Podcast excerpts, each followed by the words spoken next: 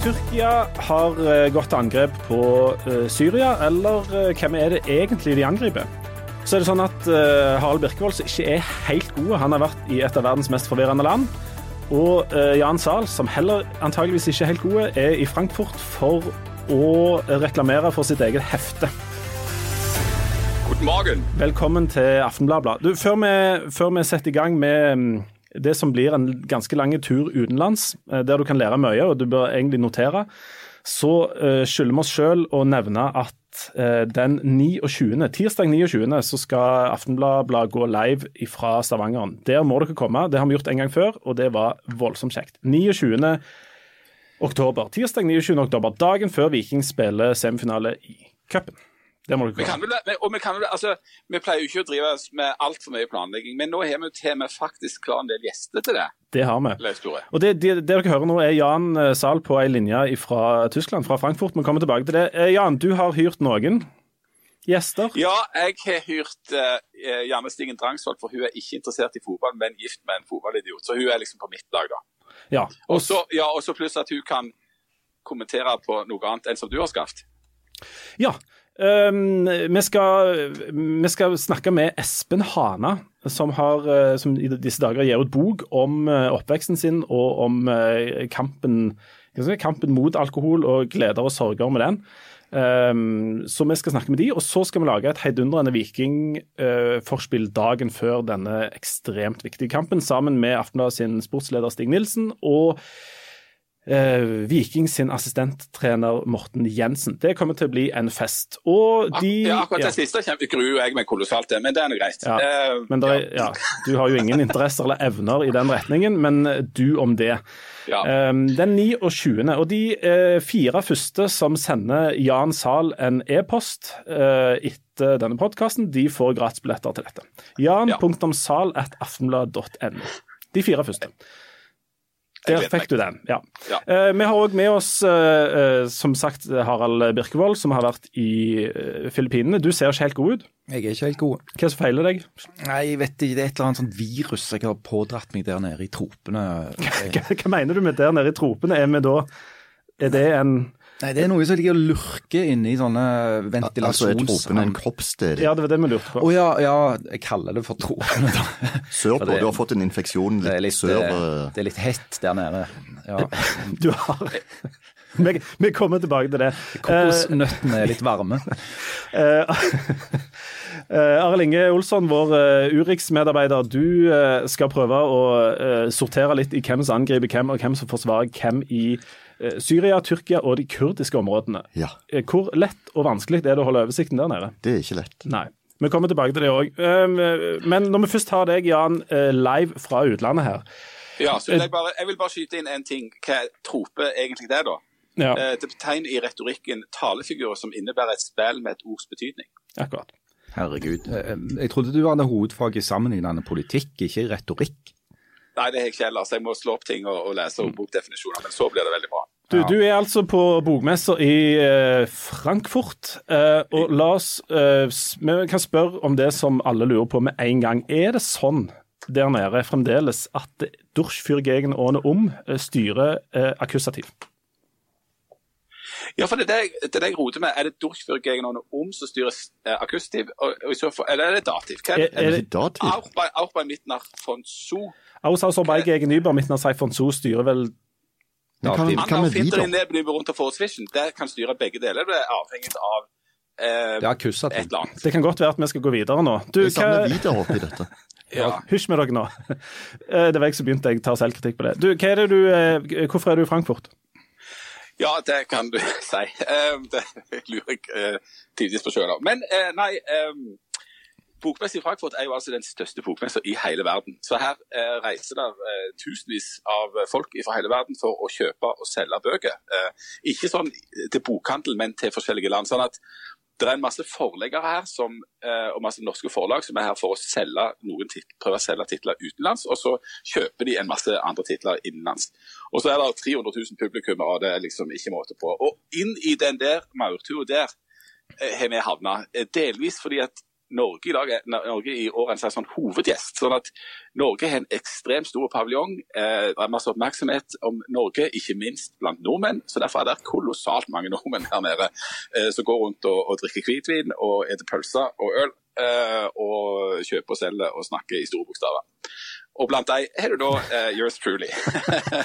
du er jo kjent, du, er jo, du har jo en, en annen stor bokstav å, å, by på. Men denne gangen er du ikke bare høy og mørk, men du har faktisk, eh, du og vår kollega Finn Våga har altså lagd ei bok? Ja, rett og slett. altså. Det er jo litt stas. fordi Det er ei bok som da ble gitt ut både på norsk og engelsk. Eh, på norsk heter det 'Forbudne stemmer'. Eh, mange vil kjenne det prosjektet igjen som 'Forbudte stemmer', som er feil nynorsk, men nå er det rett. 'Forbudne stemmer'. Ehm, den, det er jo en artikkelserie som har vært i Aftenbladet, men det er òg en podkastserie, så folk kan gå inn og søke opp 'Forbudte stemmer og høre på det. Eh, og så har vi samla dette i ei bok. og Det passer veldig godt for det prosjektet der, som har vært prosjekt vi har jobbet med i tre år. Det handler jo om ytringsfrihet, rett og slett. Vi har eh, reist og besøkt eh, forfattere som har blitt forfulgt i heimlandet sitt, i fribyen sin, altså i eksilet sitt. Og så har de fortalt historiene sine som er helt vanvittige og dramatiske. Og så etterpå har vi reist til det landet som de måtte flykte ifra for å se liksom hva som er situasjonen da. Så F.eks. så har vi møtt en cubaner på eh, Island, eh, og så har vi reist til Cuba, som ikke var noe sosialistisk paradis. Det er Finn Våga sin store fortvilelse, men eh, et ganske hardt og kjipt diktatur. Som passer sånn deg bedre? Ja, som passer meg der. Så sånn er vi holdt på. Så, så, så eh, I går, altså på onsdag, så hadde vi da en lansering av denne her boka da på, på, en egen stand som Stavanger eh, rett og slett er på denne bokmessa. Da. Eh, og da gikk vi i dress og, og, snakket i store bokstaver om ytringsfrihetens kår. og, og viste fram bilder, og det var litt sånn staselig og, og, og svære greier, rett og slett. Og det var... Eh, altså, nordmenn med hvitvin i hånda som snakker om hvor uh, tungt det er andre plasser i landet å uttale seg om forskjellig.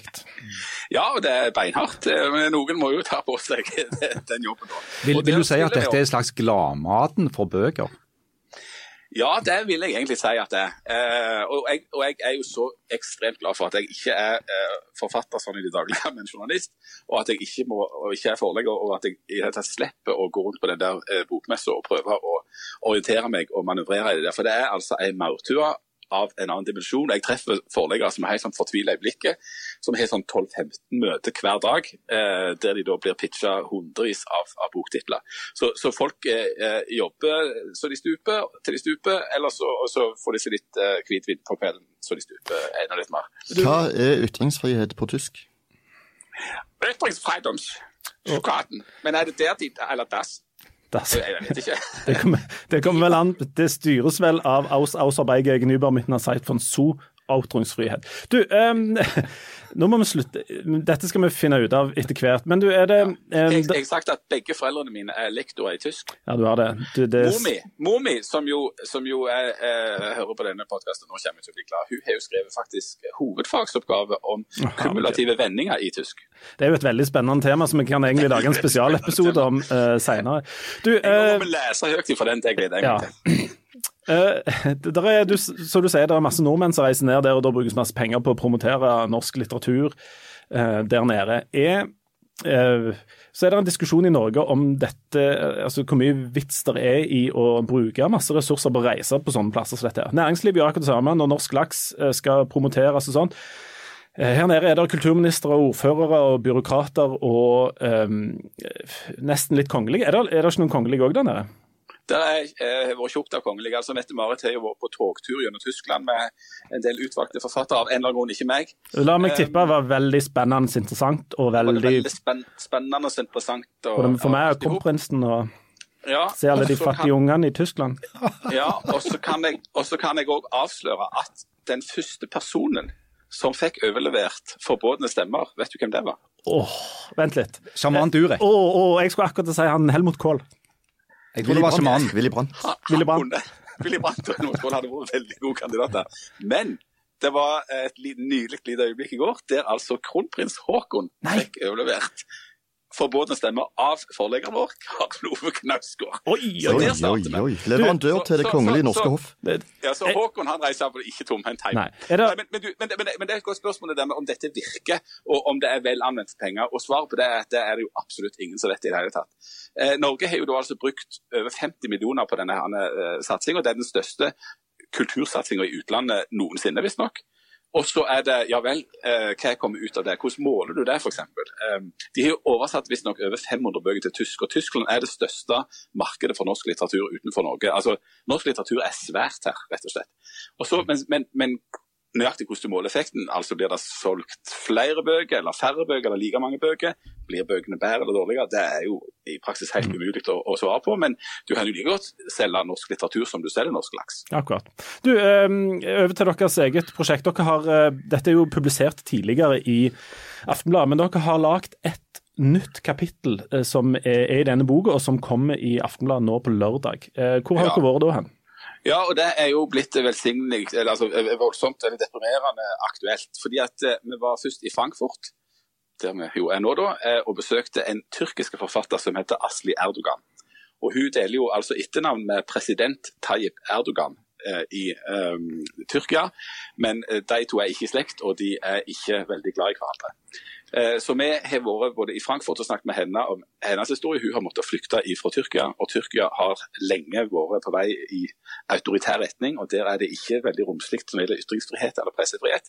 Og Hun har eh, måttet reise derifra og lever nå i eksil. Og Så reiste vi til Tyrkia i juni. Eh, da hadde det akkurat vært valg i Istanbul. Eh, det valget vant opposisjonspartiet eh, mot Erdogan. og det Erdogan han liker ikke å tape. Så han protesterte på det valgresultatet. Og når vi var der, så satt jeg akkurat og venta på det neste valget. Men å være i Tyrkia da, da merket du òg spenninga. Altså, vi, vi måtte være veldig forsiktige med hvem vi snakket med. Altså, vi fikk beskjed om at folk dere må ikke snakke med folk i gatene her og si at dere er utenlandske journalister, for folk er veldig redde for å si noe. De er til dels eh, ja, nærmest aggressive mot utenlandske journalister, og de må være veldig forsiktige med hva de sier, for de risikerte å bli tatt hvis de eh, sa et eller annet feil i en tweet eller på Facebook. Så allerede før det som skjer nå eh, i Tyrkia, så var det meget eh, rar stemning.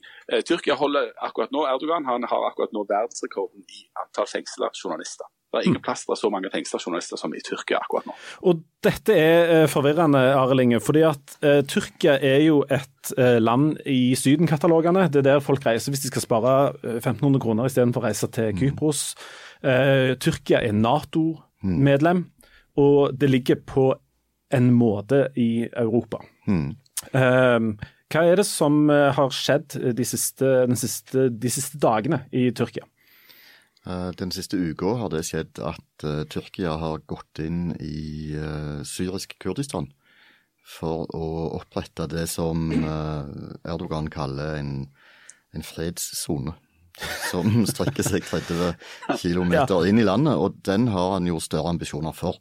For som en kurder sier til Aftenbladet, dette er etnisk rensing som, som tyrkerne holder på med. Fordi at det som er målet Altså planen er å drive eh, kurderne tilbake fra grenseområdene. Og målet er å flytte inn eh, syriske, arabiske flyktninger som nå er i Tyrkia, eh, og bosette de i det området, sånn at han bytter ut en befolkning med en annen. Og allerede her begynner det, begynner det å bli ganske forvirrende. Fordi at uh, Tyrkia har jo da gått inn i Syria, og de har gått inn i Kurdistan. Ja. hva, eh, kan vi begynne der. Hva er Kurdistan? Eh, I uh, Kurdistan er ikke en Altså, det er kanskje en nasjon, men det er ikke en stat. Uh, det er et område som er i Irak og i store deler av Syria, altså Syria øst og nord for Eufrat-elva.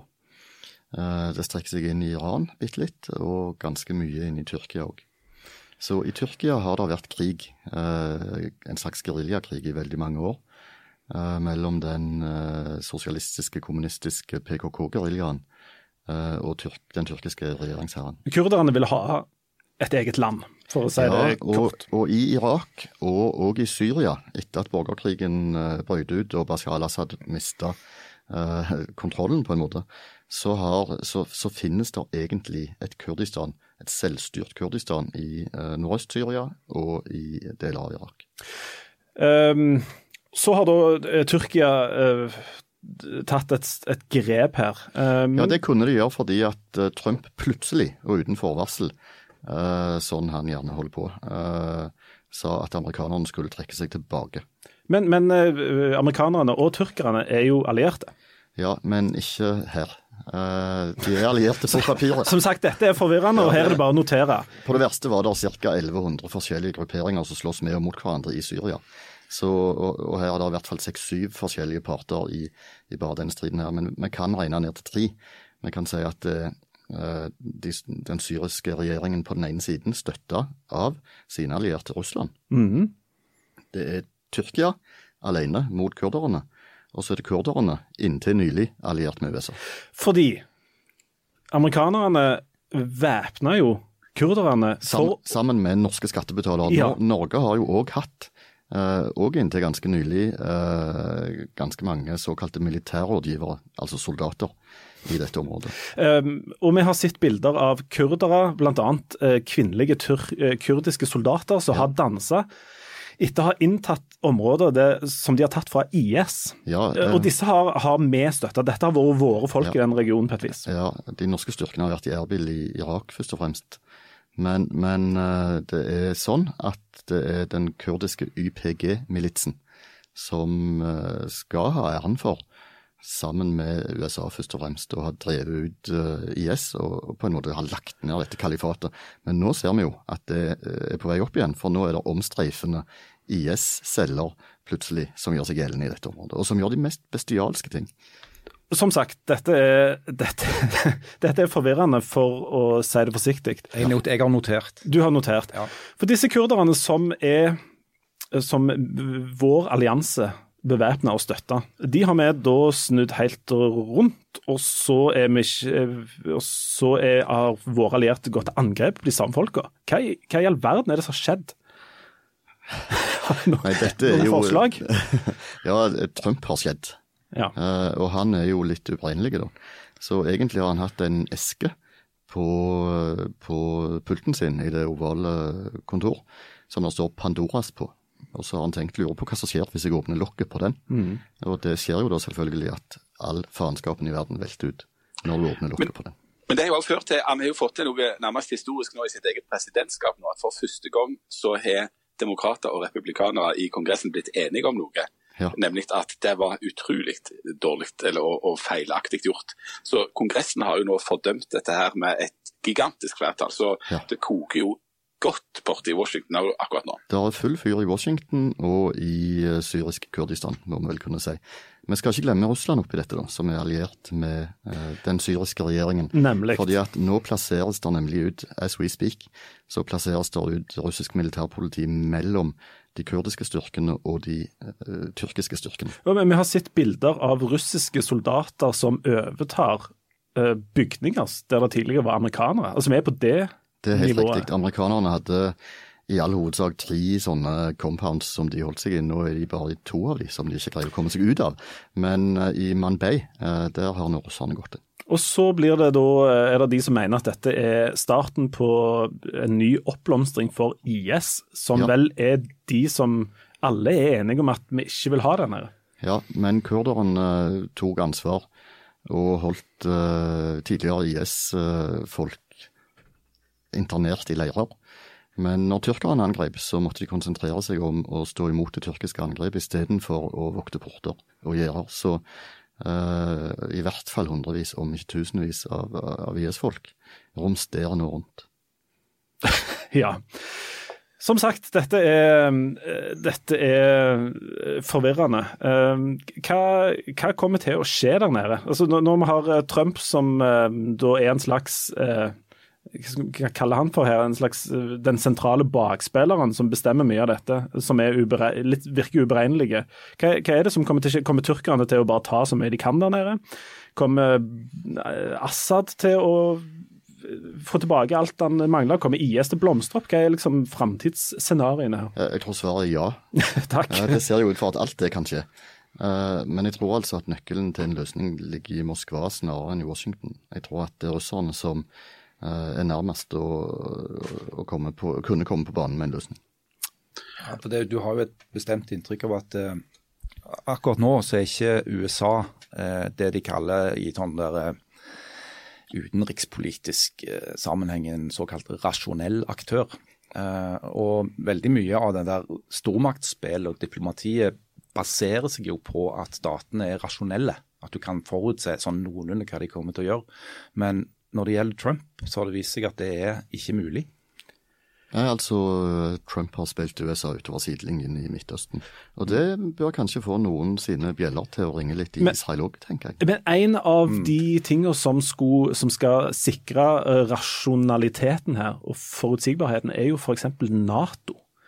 Hvis du er Nato-medlem, så skal det forplikte, og du vet hvem som er dine allierte, og det er en slags forutsigbarhet i det. Vi har jo til og med en norsk eh, mann høyt oppe i Nato. faktisk Ja, Jens Stoltenberg har jo vært ganske vage, syns jeg, eh, her. Men vi skal ikke glemme det at Nato er en forsvarspakt. Det er ikke en angrepspakt. sånn at uh, vi er ikke forplikta til å støtte Tyrkia på noen måte når de angriper kurderne i Syria. Men, men jeg har jo sett, uh, sett noen som har omtalt Nato mer som et for å bruke fotballspråket, et slags kontringslag, der vi ligger stort sett i forsvar og jeg bruker en og annen mulighet til å gjøre noen lynangrep. Altså, Jens Stoltenberg er jo eh, naturlig nok sterkt bekymra for hva som kommer til å skje med Tyrkia. Eh, for Tyrkia er nå eh, såpass uforutsigbart under Erdogan at eh, de, de er nødt til å balansere på en knivsegg. For eh, alle vet at hvis eh, det skulle skjære seg fullstendig mellom Nato og Tyrkia, så står jo eh, Putin klar eh, med åpne Exactly. armer eh, for å ta imot Erdogan. Og en sånn hendelse, altså hvis, det, hvis Tyrkia skulle på en måte forsvinne ut av Nato, det ville endre hele spillet i Midtøsten. Men spe, dette spillet er i ferd med å endres. Altså USA har, hvis vi holder oss til fotballen, på en måte satt seg selv i offside. Og, og russerne står klar til å ta over hegemoniet som den førende stormakten i regionen. I Midtøsten. Ja. Ja, og For å holde oss til fotballspråket, så har jo Erdogan òg sagt Du Jan kan ingenting i- om fotball. Jeg bare Hør hvordan jeg bruker et språklig bilde fra fotballen nå. Ja. Erdogan har jo satt Europa i en sjakkmatt. Det har ingenting med fotball å gjøre. Fordi han, Tullball. han, han, han sier at hvis, hvis EU, eller de europeiske landene, sier at invasjonen hans er en invasjon, så sender han 3,6 millioner syriske flyktninger inn i Europa. Ja. Og Derfor så sitter jo disse stakkars europeerne der eh, og sier ingenting. Nei, for det vi aller minst vil ha, det er jo eh, masse flyktninger til Europa. For det kan vi ikke. Så der er, hva er det, 2,5 millioner syriske flyktninger i Tyrkia. Er det sånn at Ja, det er over 3 millioner, Ja, er, faktisk. er det sånn at eh, en del av dette handler om å, at Tyrkia må bli kvitt disse flyktningene? Ja, Erdogan vil bli kvitt flyktningene, men først og fremst så vil jo Erdogan reise kjerringa og vise styrke, etter at han gjorde et dårlig lokalvalg sist i Tyrkia. Ja, for du Jan, eh, vår mann nede i Frankfurter Wartehalle. Du, eh, Ich bin du best.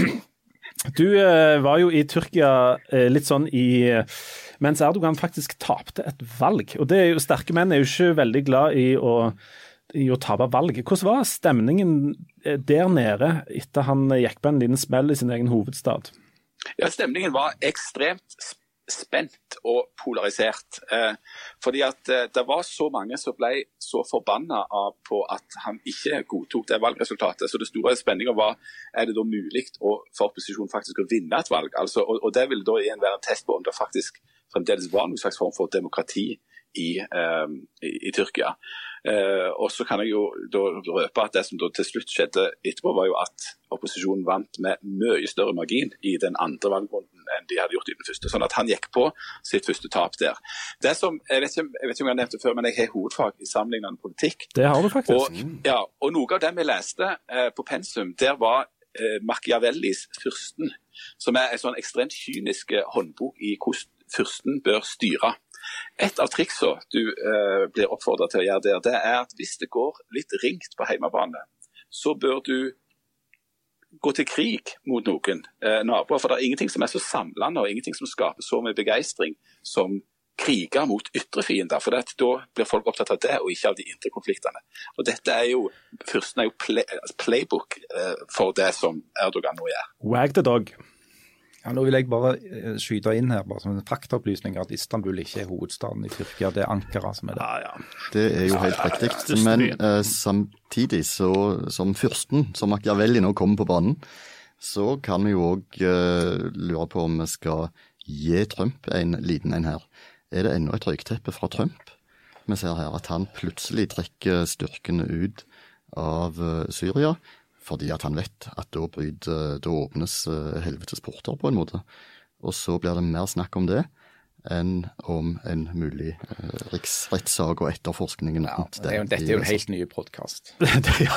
Når, når, når, når Arild Ingolfsson først åpner helvetes porter på, på gløtt, så er det sånn at du Harald, du har vært på besøk i en slags, hva skal vi kalle det, hel, ikke helvetes foregår, men et veldig eh, forvirrende land, Ja. nemlig eh, Filippinene. Eh, du var der nede fordi Nei, det var fordi at min, min kjære da eh, var på jobb Du var, du var på sydenferie? Jeg var på en slags sydenferie Ja, som koffert, koffertbærer for min, eh, for min eh, elskede. Nemlig. Og så har du jo eh, blitt litt ring i formen etter det. Mm. Ja, ja. Du var jo ring når du reiste òg, for så vidt. Jeg var ikke god. Nei. Eh, Der nede er det òg en sterk eh, mann. Ja. Eh, For sjefen for de gode tider der, han heter Duarte. Eh, Duterte. Duterte. Rodrigo Duterte. Eh, og det er en kar som eh, Mitt inntrykk av han er at han vil kappe hodet av deg hvis du tar mer enn to Dispriler, og hvis du skulle like noe annet enn kjernefamilien, så blir du på en måte senka i fjorden. Mm, Ja, han var jo egentlig homo, da. Eh, men han tok seg sammen, Ja. som han sa. Han, han, det, det er oppskriften hans da på å kurere homofili. Eh, Skjerpe seg. Bare skjerpe seg, ja. Absolutt. For det har han gjort. Nei, altså Duterte er jo en, eh, litt av en karakter. Eh, Det er jo ikke uten grunn at han har blitt sammenligna med, med sin kollega da i Washington. Fordi han er en eh, Er han så galen? han er ikke helt, han er ikke helt A4, kan du si. Men så tror jeg at altså etter å ha besøkt landet og etter å ha vært på en del foredrag og konferanser, og ikke minst lest veldig mange filippinske aviser, for de er så vennlige å komme ut på engelsk, så uh, har jeg satt igjen med et litt mer sånn forvirra inntrykk av Duterte. For det at når du, uh, du leser om han i, i vestlig presse, så er det jo stort sett galskapen. Uh, Ekstremt hard i klyper mot kriminalitet. ja, han har jo erklært denne krigen mot narkotika f.eks., som, som ifølge offisielle anslag har kosta noen antall tusen liv, men uoffisielle anslag er minst 20 000 som er drept, altså rett og slett skutt på åpen gate. Statsskutt. Ja, eller på oppfordring fra presidenten eh, til, altså til hvem som helst. Det er veldig lett å få bæretillatelse for våpen i Filippinene. og Hvis du ser noen du uh, syns ikke ser helt gode ut, så kan du bare skyte dem. Dette høres veldig lite forvirrende ut. Men så har du blitt forvirra av å reise. Hva er det som har gjort at du har Ja, altså Saken er at uh, Filippinene uh, har omtrent 100 millioner innbyggere. Det er ganske mange. Det er ganske mange. Halvparten av de, 50 millioner, bor i dag i områder som kalles slum. Altså Der de er ulovlig bygd, uten infrastruktur, vann og kloakk og sånn. Og Det som Duterte ble valgt på, det, grunnen til at han ble valgt, det var at han erklærte at dette må da, nå må vi gjøre noe med dette. her. Vi må ta dette landet inn i eh, det 21. århundre. Og Det betyr at vi må sørge for at Filippinene begynner å virke igjen. Så han har satt i gang disse her berømte programmene sine mot eh, kriminalitet. Ikke bare fordi at han er imot kriminalitet, men han ser at den kriminaliteten som har hjemsøkt Filippinene i en årrekke, hindrer investeringer fra utlandet, hindrer turisme. Han har lyst til at Filippinene skal bli det nye Thailand. Sant? At det skal strømme til med, med vestlige turister som legger igjen masse penger. Og Da kan de ikke ha en masse gatekriminalitet. De kan ikke ha ekstrem forurensning av havet og elvene. De må ha bedre veier osv. Så videre. sånn at bak all galskapen så har Duterte og hans regjering satt i gang en haug med prosjekter som handler om å få modernisert, og bedre levekår, eh, få bedre veier eh, og å få høyere utdannelse. Eh, det bygges universiteter og høyskoler over en lav sko. Og det skjer jo i stor grad med hjelp av penger fra Kina. For dette er eh, høres litt ut som det som har skjedd i Kina. Altså Vi har klyper, Ja. så har en, altså, en har ført samfunnet på et vis framover eh, med litt sånn vaklende demokrati, eller helt uten, men og med ganske harde klyper. Og så har det vist seg å virke.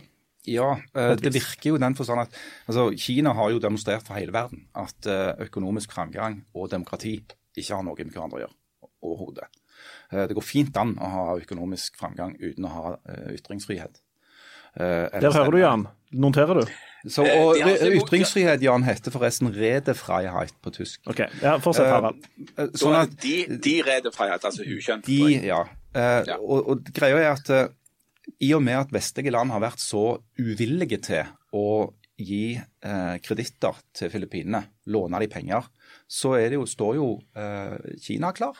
Og mens jeg var i Filippinene, så var Duterte på statsbesøk i Russland hos Putin for å forhandle om å kjøpe våpen for eh, hva var det, 500 milliarder norske kroner mm. fra Russland.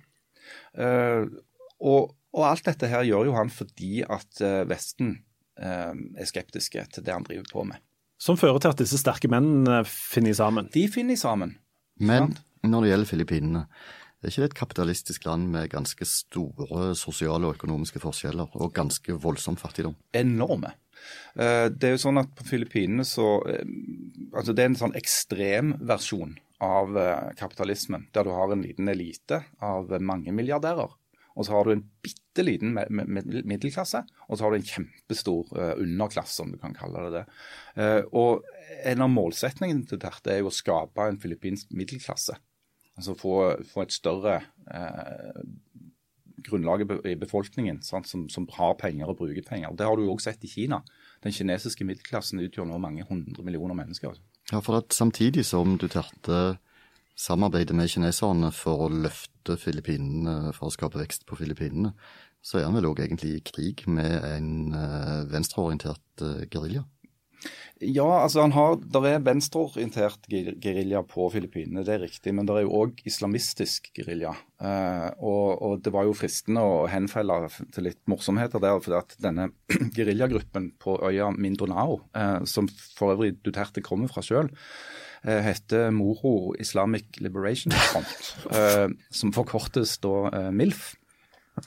Uh, jeg syns det er bra at det, at han starter nei, nei, nei, det, Moro Islamistfront. Moro Islamistfront, eller MILF ja. på kort, de har nå ja. inngått fredsavtale med Duterte. Uh, i, altså Mot å legge ned våpnene, så har de da fått uh, indre selvstyre på deler av Mindanao.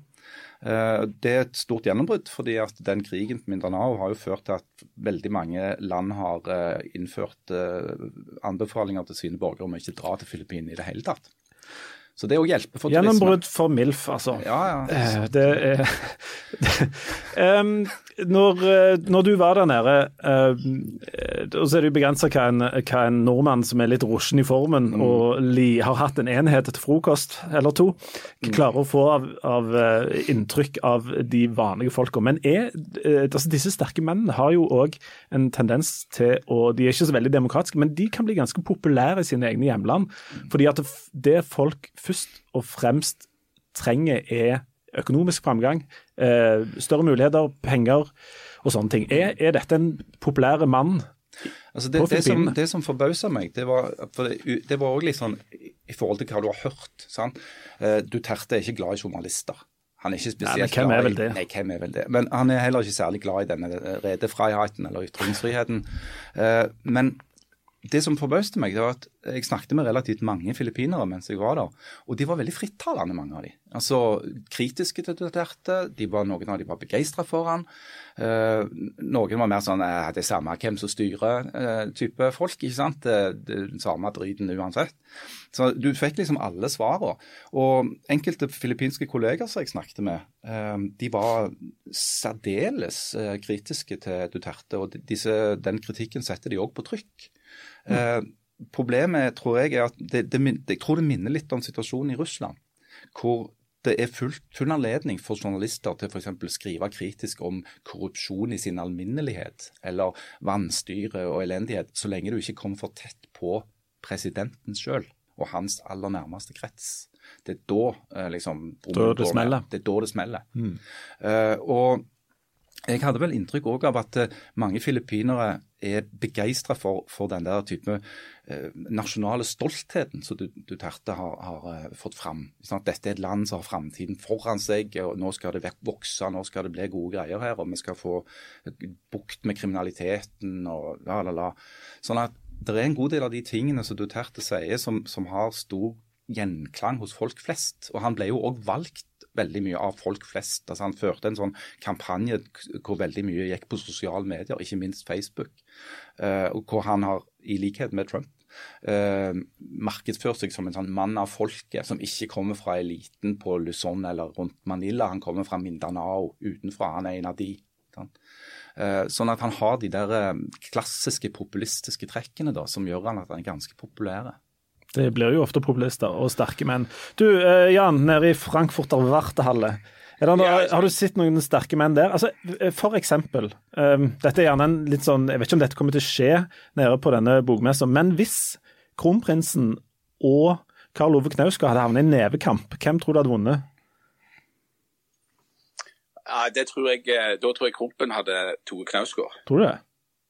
Ja, ikke, altså Knausgård er ikke han eller Han drev vel og jogget i noen av disse bøkene, men han er jo ikke sånn han slår meg ikke som en sånn kar som driver mye på med sånn armheving og sånt, mens Krumpen han han driver jo masse sånn sport og sånt. Han surfer jo ut på Jæren og, og, og er sånn sportslig ja, Men jeg tror at Karl Ove slåss eh, skittent, og det gjør kanskje ikke Ja, det, ja, det, tror, jeg, det tror jeg kanskje. Ja, kanskje at, at Krumpen slåss veldig sånn ja, sånn gentlemansaktig, mens uh, ja. Karl Ove går bare rett i nøttene på han. Ja, ja OK, det er sant. Så det, ja, det er mulig at det er at han liksom hadde gitt han en, en, liten metafor fra høyre og ja. smelt til med en, et bokstavrim fra venstre eller et eller annet. Jeg tror han hadde slått til med en trope, og så hadde uh, Håkon blitt stående der og lurt på er dette en trope eller en klisjé eller en metafor.